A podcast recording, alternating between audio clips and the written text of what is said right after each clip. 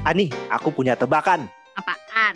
Kenapa badak kukunya warna merah?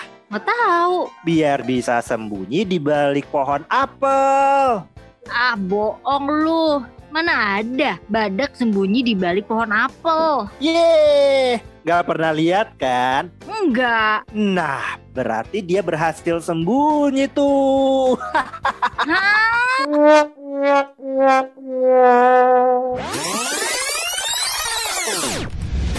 Ladies and gentlemen, here it is. The most listened to radio show on the planet. Even the other stations are tuned in too.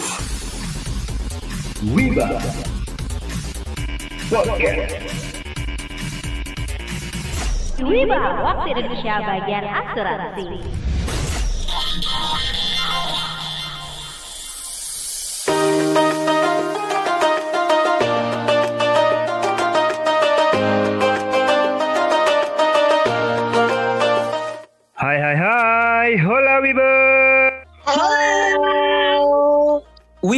Waktu Indonesia bagian asuransi. Ngobrolin asuransi secara ringan tapi berbobot. Kali ini Wibers, kita ada di podcast Wiba Bukan Gibah episode ke berapa guys? 47 Yuhu. Bener gak? Bener kayaknya ya. Iya, kemarin 46 sekarang 47.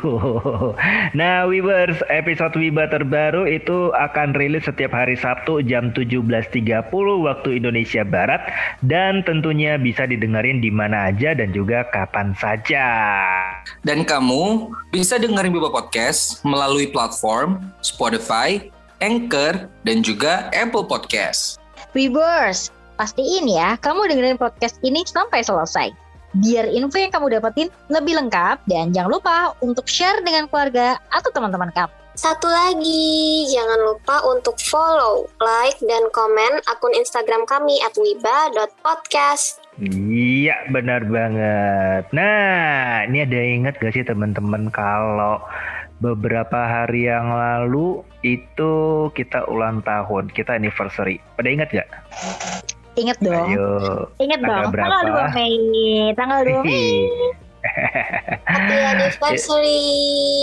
Gak nyangka ya kalau udah satu tahun dan udah 45 eh 45 46 ya 46 episode ini sekarang ada 47 Gak nyangka ya ternyata dalam setahun ini kita masih survive gitu loh Ngucapin terima kasih dulu nih buat eh, Wiba Logis juga yang udah mau ngobrol di Wiba Podcast Dan juga paling penting banget nih mau ngucapin terima kasih buat Wibers yang udah menjadi pendengar setia dari Wiba Betul banget. Thank you buat Wibers yang selalu ngedengerin dan dukung kita terus ya. Yay, thank you Wibers. Hmm, Mengucapin terima kasih buat Wiber semuanya yang udah dengerin kita dari episode pertama sampai hari ini.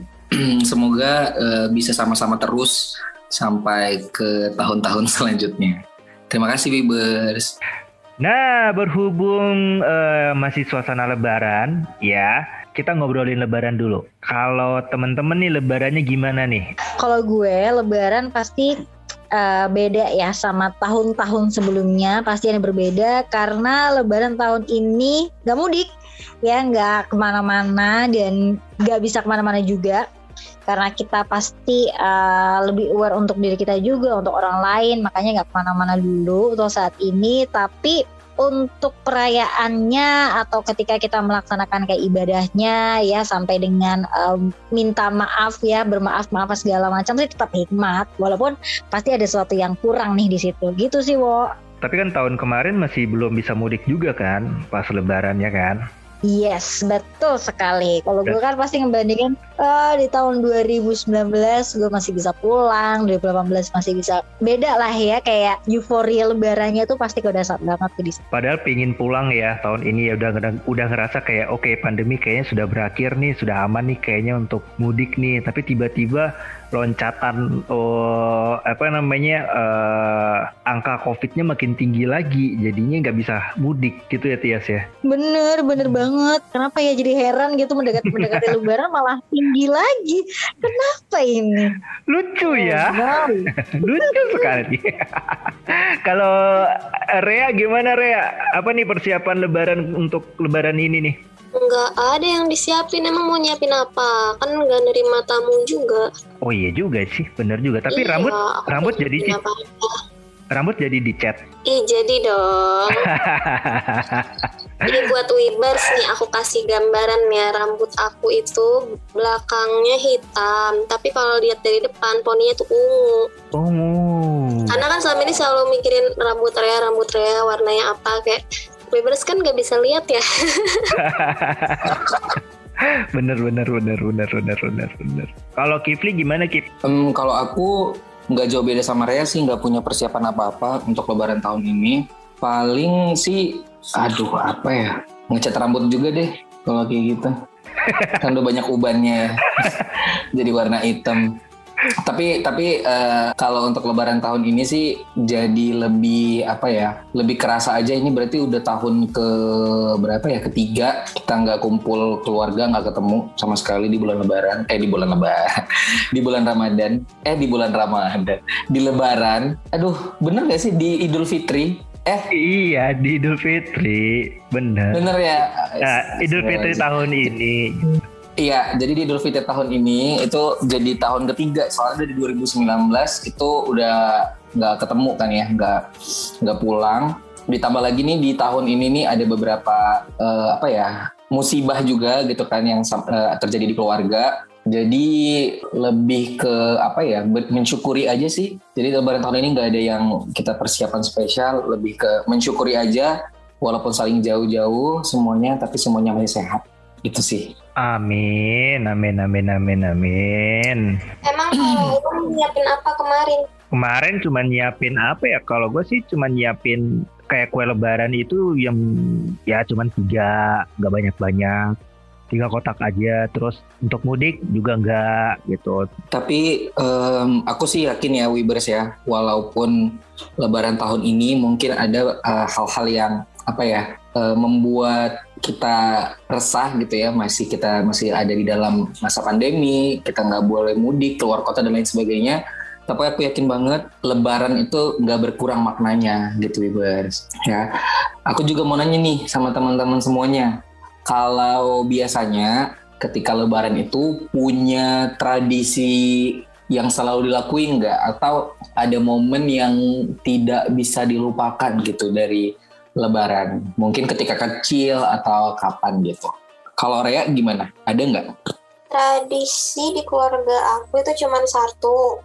Dan dan cantik terus foto tuh rame-rame kayak keluarga sama yang indah. Wow. Tapi itu nggak pikir- fake sih maksudnya emang maksudnya itu nggak fake sih emang aku alhamdulillah dapat keluarga yang adem ya jadi kayak Mm-mm. ya udah senang itu mempamerkan keademan kita. Jadi kalau lebaran tuh pasti harus banget wajib foto bareng terus harus banget detik itu juga harus dikirim ke mama karena mama tuh orang yang harus segera masukin kontennya ke Facebook. Oh, Seru tapi mungkin gini ya. tapi tapi mungkin gini Rea em, lebih ke arah celebrate kali ya celebrate the moment gitu keluarga kamu tuh jadi bukan maksudnya Mm. pamer ya kan celebrate the moment lagi ngumpul momennya lagi eh, bag- eh, lagi pas banget lebaran pakai pakaian yang bagus-bagus gitu ya kenapa enggak di celebrate gitu dengan foto? Iya sih mas, bukan pamer sih emang kayak mama tuh cari momen aja pas kita lagi iya seru banget. Gitu kayaknya soalnya kita kalau di kalau di keluarga aku sih nggak terlalu suka foto. Ya paling yang suka foto tuh kakak aku yang cewek sama ibu. Yang lain nggak nggak terlalu suka di foto nggak tahu kenapa Tapi Kalau, kayaknya memang ibu-ibu ya eh, yang paling banyak ya. Ibu-ibu yang paling banyak ya iya suka sih. foto. bener. Sama, nyokap bener, gue juga ibu-ibu. Kayaknya eh, Facebook kali ya. Iya, masuk kalau ke Wadika sendiri gimana? Ke- kalau tradisi atau momen yang berkesan tadi sih kalau gue pikir ya Rea itu eh, momennya itu adalah ngecat rambut bareng gitu satu keluarga gitu sehari sebelum Lebaran. coya ribet dong itu pikiran gue tadi gitu kan. Ternyata foto bareng gitu. dan dan warnanya nggak boleh sama gitu ya. Bener, itu pikiran gue tadi gitu kan. Aduh kayak Sailor Moon dong ya kan. Ada yang orange, ada yang hijau gitu. Tapi ternyata foto bareng. Cuman kalau ngomongin foto bareng sih emang sih kayak setiap keluarga bakalan banyak sih yang foto bareng setelah sholat, sungkem-sungkeman, habis itu eh, minta ampaunya atau minta THR gitu kan, bagi-bagi THR baik itu dari orang tua ngasih ke anaknya, terus kayak dari tante, dari om, dari kakek nenek. Gue tuh paling momennya sebenarnya ya, gue kan orang Minang. Eh, ada di di kampung gue itu eh, rutinitasnya adalah sebenarnya sekali dua tahun pulang kampung, mudik, mudik ke kampung gitu. Kalau kalau kalau yang dengar ini orang Minang dan tahu dengan sulit air itu punya punya apa daerah sulit air itu setiap kali sekali dua tahun itu mudik gitu loh. Dan kita punya momen yang sangat oke banget sebenarnya gitu loh. Ajang kita kumpul dulu sih waktu gue masih sebelum nikah ya. Ajang kita ngumpul tuh dari seluruh daerah, kita kumpul ngobrol-ngobrol, bahkan ada yang dari seluruh dunia datang gitu kan mudik ke kampung asal dan kita ngobrol terus main sepak bola di di hari lebaran itu gitu loh. Itu momennya gitu loh. Eh, main sepak bola terus kayak lomba-lomba 17 Agustus tapi dilakukan di saat eh, apa namanya di saat lebaran gitu. Terus makan ketupat, lontong, sate dan segala macem. Itu sih sekalian sekali dua tahun itu sih yang menjadi sangat berkesan aja sih momen yang gue pikir ini bisa ketemu sama saudara-saudara sejauh jauh gue gitu. Gue ketemu dengan saudara sesuku gue, satu kaum gue dan segala macem. Jadi tahu silsilah-silsilah adat istiadat gue. Itu sih yang gue kangenin sebenarnya sekali dua tahun itu. Oh berarti yang acara sekali dua tahun itu Ah. nggak ini ya, Wo, ya? Maksudnya nggak mesti di hari lebarannya gitu ya? Memang di hari lebaran Emang jadi mudik mudik itu memang di hari Oh. lebaran. Iya, jadi sekali dua tahun itu mudik Oh, seluruh gitu. Ka- kita nyebutnya itu sulit air se- sekato atau eh, sulit air sekato sas. Jadi an- orang-orang sulit air itu pada pada mudik sekali dua tahun itu pada mudik bareng semuanya gitu loh di daerah itu. Oh jadi kayak yang satu banget. suku gitu ya? Benar. Tapi itu bukan suku ya, itu lebih ke Oh. kampung, ke kampung Daerah. daerah. Oh Iya, oke oke. Desa gitu. Seru banget, Seru, seru banget seru gitu. banget kayak gitu. Gitu. Jadi ngumpul semuanya makan-makan di situ gitu ya, Ah, Bu, ah, ah, ah, kayak. Silaturahmi gitu ya. Iya, silaturahmi sampai kayak jodoh-jodohan, menjodoh-jodohin dulu gitu ada. Wow. Beneran Kip, ada loh jodoh-jodohan kayak gini. Paman kan kayak gua dijodohin sama anaknya siapa gitu. Ah, ah, ah, ah. Ya, anggaplah tinggalnya di Irian gitu kan ya, dijodohin karena kita ah. kampung. Karena kan masih ada masih ada kayak gitu juga gitu loh. Kayak kayak gitu. Ada. kayak anak aku masih masih jomblo nih. Iya, Mau makanya. nggak? Gitu kan. Ya, kayak gitu. Banyak yang kayak gitu tuh. Itu yang serunya sih, momen. Tapi nggak nggak dipaksa kayak Siti Nurbaya. kan? Enggak, enggak lah, enggak dipaksa. Kalau Siti Nurbaya gimana? Tradisi atau momen paling berkesan? Eh Mbak Tias maksudnya. Hello, I'm here. Eh, itu Iya, ini Dato Maringgi nih yang nanya. Sumatera mana ya BTW? Sumatera Barat. Sumatera dong. Barat, Tias. Oh iya, Iya, it- itu kayak legend cerita rakyat gitu. Eh, itu beneran atau cerita rakyat sih? Ben- ah, Oke. Maksudnya itu memang beneran Ada. terjadi atau gimana? Waduh, jadi Ada, bahas kuburan- sejarah ini Kuburannya ada kok. Sumatera Barat. Tapi kuburannya ada. Oh Besok beneran? lo keep jadi ke Padang tahun ini, ntar gue ajakin ke situ deh. Ada kok kuburannya. Dekat kantor lagi, dekat kantor gue. Serius. oh gitu. Ya ampun. Dekat kantor ada kuburan Siti Nurbaya. Ah, anyep-anyep deh tuh kantor ya. Mbak Tias gimana gimana Mbak Tias? Kalau gue sih hampir sama lah ya. Gue pasti ya sholat id, rame-rame sama keluarga, sungkeman, yang penuh dengan eh, apa ya melankolis lah itu pasti pasti bercucuran air mata, celah. Habis itu makan. Kalau gue biasanya kan makannya tuh agak sedikit beda nih. Kalau keluarga gue doang. Kalau biasanya kan makan ketupat lah. Habis itu makan pakai opor. Kalau gue tuh aneh karena kita tuh udah di zaman kecil tuh kan makan opor, makan ini, makan rendang segala macam. Akhirnya nyokap gue itu kayak bikin suatu terobosan, celah suatu terobosan yang makannya itu adalah makan nasi kuning plus makan bebek, bebek rendang gitu loh. Dan Makan itu nasi kuning pakai bebek. dan itu cuma ada di keluarga gue doang kayaknya. Karena satu di keluarga gue tuh gak ada yang doyan lontong atau ketupat, gak ada yang suka Jadi kita kayak beralih ke makanan yang disukai oleh keluarga kita yaitu nasi kuning. Karena nasi kuning kan identik dengan kayak perayaan, Perayaan syukuran gitu, ah. Tuh kayak Mm-mm. aduh daging, ntar dikasih tetangga daging, ke rumah si A makan daging. Akhirnya kita ya udah kita makan bebek aja Ah, yuk ah. biar ada itu yang beda gitu. Jadi kangen banget nih sebenarnya tahun kemarin tahun ini tuh nggak bisa mas makan masakan nyokap. Iya ya, bener. Oh sedih. Jadi kalau Lebaran orang-orang jadi karnivora semuanya ya mbak Tiasa daging semuanya yang dimakan. Nah iya, akhirnya gue agak sedikit ke kolesterol itu ya bebek di bebek Ah, rendang. ah, makan sayurnya kurang. Itu kali-kali bisa tuh di rumah Lebaran masakannya sayur gitu loh, bayam bening Eh, gitu gue atau lodeh, biasa. lalepan gitu loh. Jadi tamu datang nih nggak dikasih kue-kuehan atau lontong tapi lalepan gitu. Ada timun ada tomat. Itu kayaknya bisa jadi solusi sih untuk sehat Benar. gitu kan. Jadi vegetarian tuh lebarannya. Bener bisa dicoba? Bener-bener. Bisa dicoba. Yuk, Webers mau coba? Yuk, silahkan. biar lancar pencernaannya ya di bulan puasa Kok belum puasa sih di saat lebaran?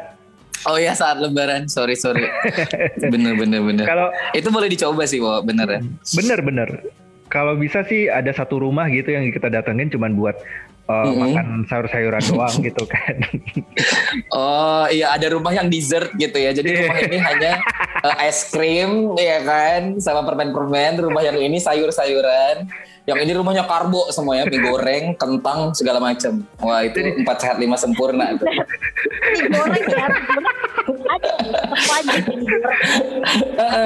Jadi tetangganya kayak eh ke rumahnya si karbo yuk gitu. Jadi mereka ambil kentang gitu kan, umbi-umbian gitu. Aku ke rumah si dessert aja deh. Aku pencinta dessert.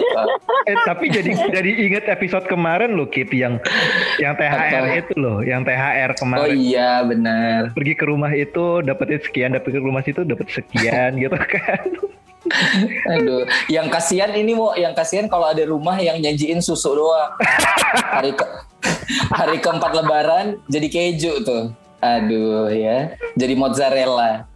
Kan kasihan. Iya, bener bener bener. Nah kalau lo sendiri gimana? Ada nggak tradisi atau momen yang paling berkesan di lo? Iya, kalau kita sih di keluarga biasanya kalau lagi ngumpul ya, em, itu biasanya setelah sholat id, kayak Mbak Tias bilang tadi, kita tuh sungkem-sungkeman. Nah, biasanya ini kalau kita momen mau sungkemannya itu, jadi kita di ruang keluarga gitu ya. Biasanya mejanya udah dipinggirin gitu, jadi di, duduk di bawah semuanya pakai karpet gitu, duduk. Ini bener-bener yang setelah sholat ya belum makan gitu.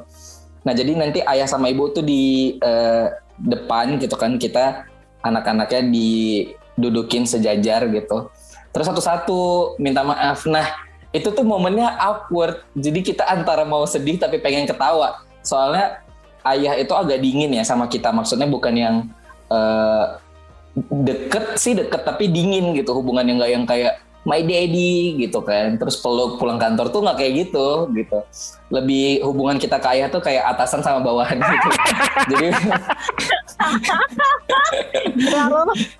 iya kayak bos sama ininya anak buah gitu. Kita ABK kapal di rumah. Jadi kita biasanya kalau momen sungkeman itu jadi kayak agak awkward gitu loh kayak mau nahan ketawa tapi juga eh, sedih tapi juga eh, takut gitu ya. Karena mau eh, sungkem sama ayah gitu. Karena ayah lumayan dingin gitu. Kalau sama ibu sih seru-seru aja ya. Biasanya kalau minta maaf ah paling nanti diulang lagi. Kayak gitu. Kalau ibu tuh kayak gitu sambil bercanda gitu. Tapi kalau sama ayah tuh agak kayak "Eh, gimana ya? Gitu.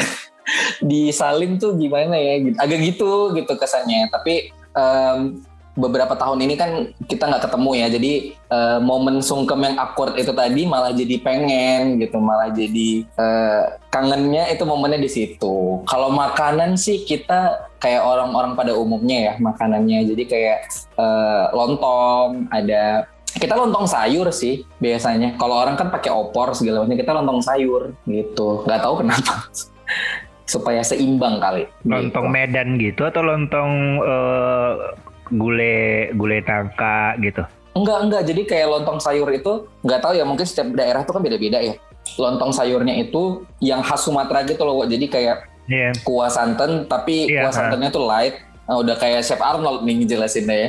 Jadi santannya itu light, ada sayurnya. Jadi sayurnya itu kayak wortel dipotong dadu gitu sama labu siang. Pada tahu nggak sih labu siang? Oh, Iya, iya. tahu, Potong tahu. dadu. Gue tahu. Ah, ah, nah itu. Nah untuk lauknya sendiri tuh biasanya telur Hmm. eh, di balado gitu sama tempe di sambal Tempe gitu, goreng ya. dipotong Tempe- kotak-kotak. Tempe Mm-mm. goreng gitu. Oke, kalau di Padang tuh namanya lontong Medan. Karena di Padang beda sendiri. Oh, kalau di Medan bilangnya lontong sayur. Iya, karena kan udah di Medan ya, makanya lontong sayur gitu kan. Bedanya apa coba? Iya, bener, bener, sate bener, Padang. Sate Padang di Padang nggak ada sate Padang. Jadi Ya cuma Sate sate. doang? Sate, kayak jadi kayak sate Pariaman, sate Yus, sate apa gitu namanya, sate NS, sate apa. oh dia gitu. lebih ke mereknya di sana ya. Mereknya, bener gitu. Eh berarti mie Aceh di Aceh bilangnya mie. Mie, bener. Soto Lamongan di Lamongan bilangnya soto doang kali ya. Soto Ya, doang. soto. Iya. Kan udah di Lamongan, buat apa lagi nyebut Lamongan lagi gitu kan. Beda beda beda beda beda. beda. Jadi pengen sate padang gue. Tapi kerasa nggak sih kalau kita tuh ada yang beda sama lebaran tahun-tahun sebelumnya? Iya nggak? Iya, bener. Bener, bener, bener. Apa tuh? Kerasa Apa tuh? Kalau menurut lo gimana? Kalau gue sih kerasa tahun dari tahun sebelumnya ya. Kalau tahun kemarin sih sebenarnya kita tetap ya kayak Lebaran itu tetap di rumah, sholat idnya tetap di rumah. Karena peraturan pemerintah juga mengatakan gak boleh pergi sholat id dulu gitu. Terus eh apa namanya nggak ada silaturahmi terlalu banyak atau apa, terlalu rame orang-orangnya dan segala macamnya gitu. Keluar kota juga nggak bisa seperti itu sih. Itu perbedaan di tahun ini dan tahun kemarin, eh, tahun kemarin dan tahun ini dengan tahun-tahun sebelumnya.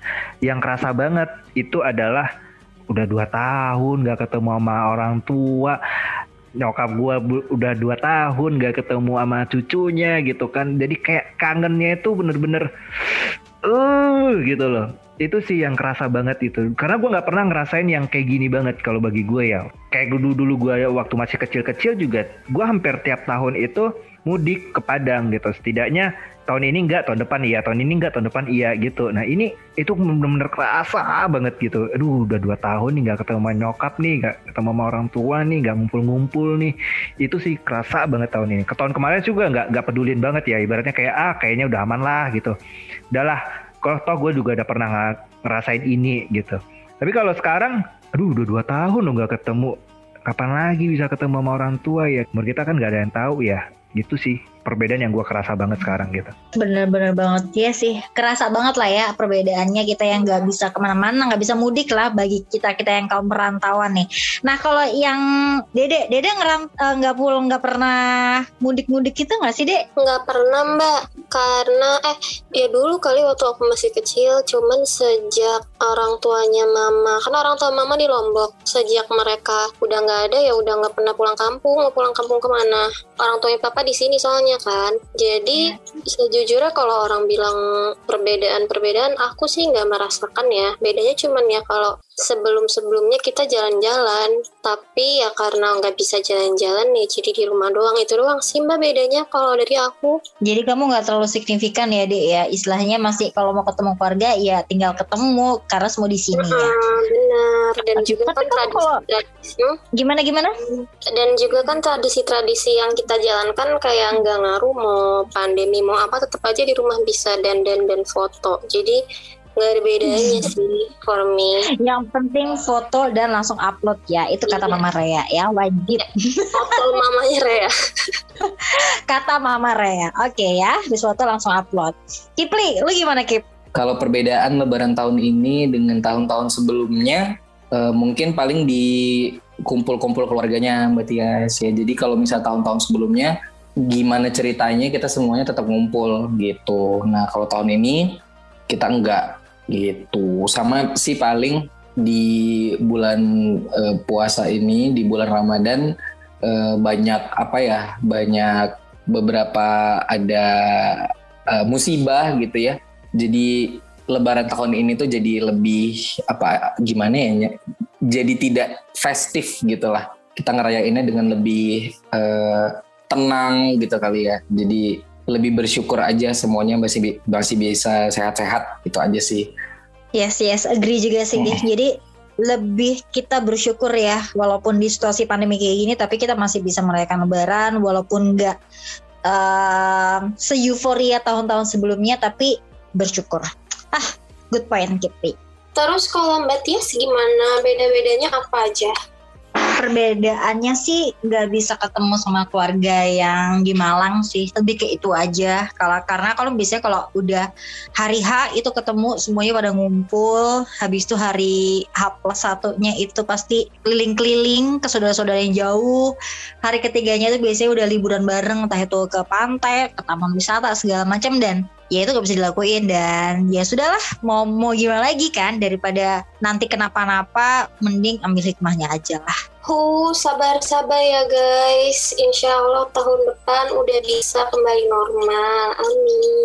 amin amin amin amin Okay, one last question from me. Oh wait, tapi sebelum aku tanya, aku mau cerita duluan. Aku udah selama ini hidup, kayaknya aku belum benar-benar menemukan makna lebaran itu apa. Karena ya lebaranku nggak pernah beda jauh kayak ya udah gitu-gitu aja. Jadi lebaran itu lebih seperti kayak momen di mana aku menyenangkan mama aja udah apa maunya dia.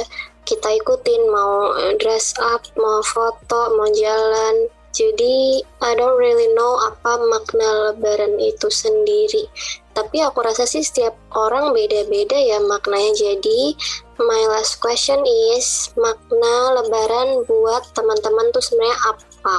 Kalau uh, gue sendiri makna lebaran itu lebih kepada kumpul keluarga sih ya silaturahmi yang paling penting. Karena meskipun karena gue kan juga jauh dari keluarga ya jarang. Maksudnya kayak momen ketemu keluarga kumpul-kumpul itu ya pasti ada di hari lebaran. Jadi lebih kepada makna silaturahmi makna kita cerita-cerita lah mengenai apa yang kegiatan kita segala macem. Terus kayak kayak unlimited gitu loh waktunya. Karena kita kan udah cuti kemudian libur. Jadi kayak nggak ada batas waktunya untuk melakukan hal itu semua. Lebih kepada bercengkrama dengan keluarga silaturahmi sama kayak ya lebih ke situ sih untuk lebaran. Dan mungkin kalau as a personal gue tuh merasa kayak ya mungkin lebih kayak hmm, memulai dengan hari yang baru hari yang lebih baik dari yang sebelumnya menjadi pribadi yang lebih baik lah. Kayak gitu sih. Nice banget Matias maknanya agak dalam ya. Kalau Wodika gimana kalau gue sih lebih ke sebenarnya makna lebaran itu kembali kepada diri sendiri sih.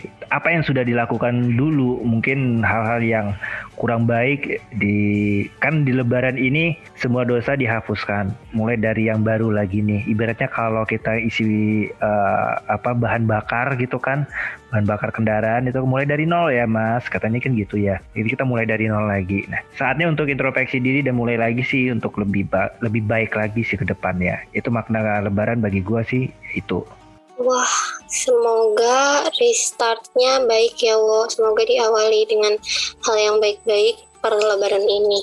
Terakhir, Mas Kifli, gimana Mas? Coba ceritakan. Ya, kalau buat aku pribadi, aku selalu yakin bahwasanya kita manusia itu lahir uh, dalam keadaan suci ya. Nggak ada dosanya sama sekali. Nggak nggak pernah nyakitin orang gitu ya. Nggak pernah salah sama orang baik sengaja maupun nggak sengaja. Kita lahir dalam keadaan seperti itu. Nah kita menjalani hari-hari gitu ya. Kita jadi dewasa. Pasti potensi buat salah melakukan uh, kesalahan, hilaf dan lain sebagainya. Kalau di bulan Ramadan ya kita kan berpuasa.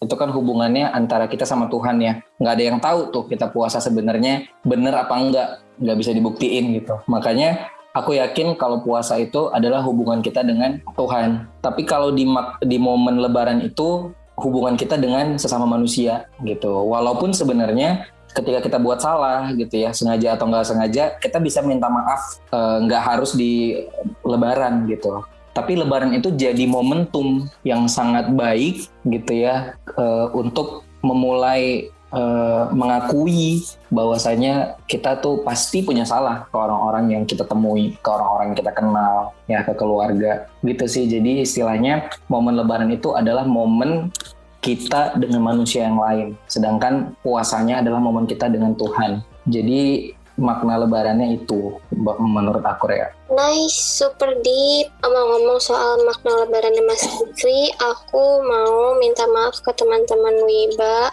I'm sorry kalau aku ada bikin salah ya, Wo, Mbak Tias, Mas Kifli. Kemarin lebaran belum sempat minta maaf. Iya nih kita belum sempat nih minta maaf, belum sempat telepon-teleponan. Minta maaf Sama-sama. ya, sama-sama ya. Minta maaf semuanya teman-teman kalau ada salah omongan yang nggak enak gitu, jangan ambil hati, nggak sengaja semuanya. Minta maaf. Iya, kita kan juga buat Yes, menang buat- izin lupa izin ya. Mm-mm. So kita juga buat lucu-lucuan juga ya kalau omongan kita kita di sini ya biar lebih fresh gitu. Benar kan Kifli ya? Betul. Hmm.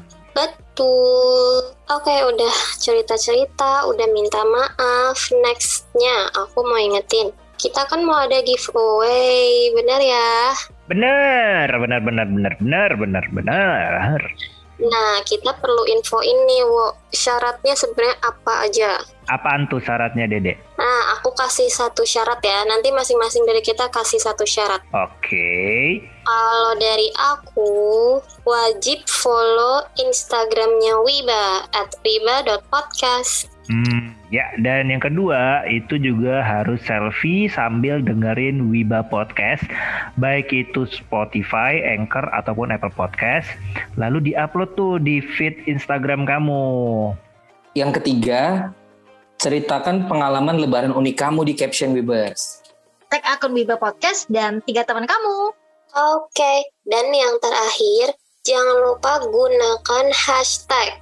Hashtagnya apa aja? Yang pertama, hashtag Wiba Podcast. Yang kedua, hashtag Lebaran Unik. Yang ketiga, hashtag Wiba Enif. Tapi Wibanya pakai satu ya guys, karena ini anniversary pertamanya Wiba. Jadi W1 Ba Enif. Yang keempat, hashtag giveaway. Yang kelima, hashtag giveaway lebaran. Nah, kalau Wiber sudah mengikuti syarat-syaratnya, apa aja yang didapetin guys? Dapetin saldo GoPay atau OVO sebesar 50.000 untuk empat orang pemenang. Nanti kita akan umumkan di episode 50. Kami tunggu cerita unik kamu di saat lebaran sampai dengan tanggal 21 Mei 2021. Oke deh kalau gitu Andika Tovano sign out. Tia sign out. Kifli sign out. Saya juga sign out. Bye. Dadah Webers. Dadah, ciao. Thank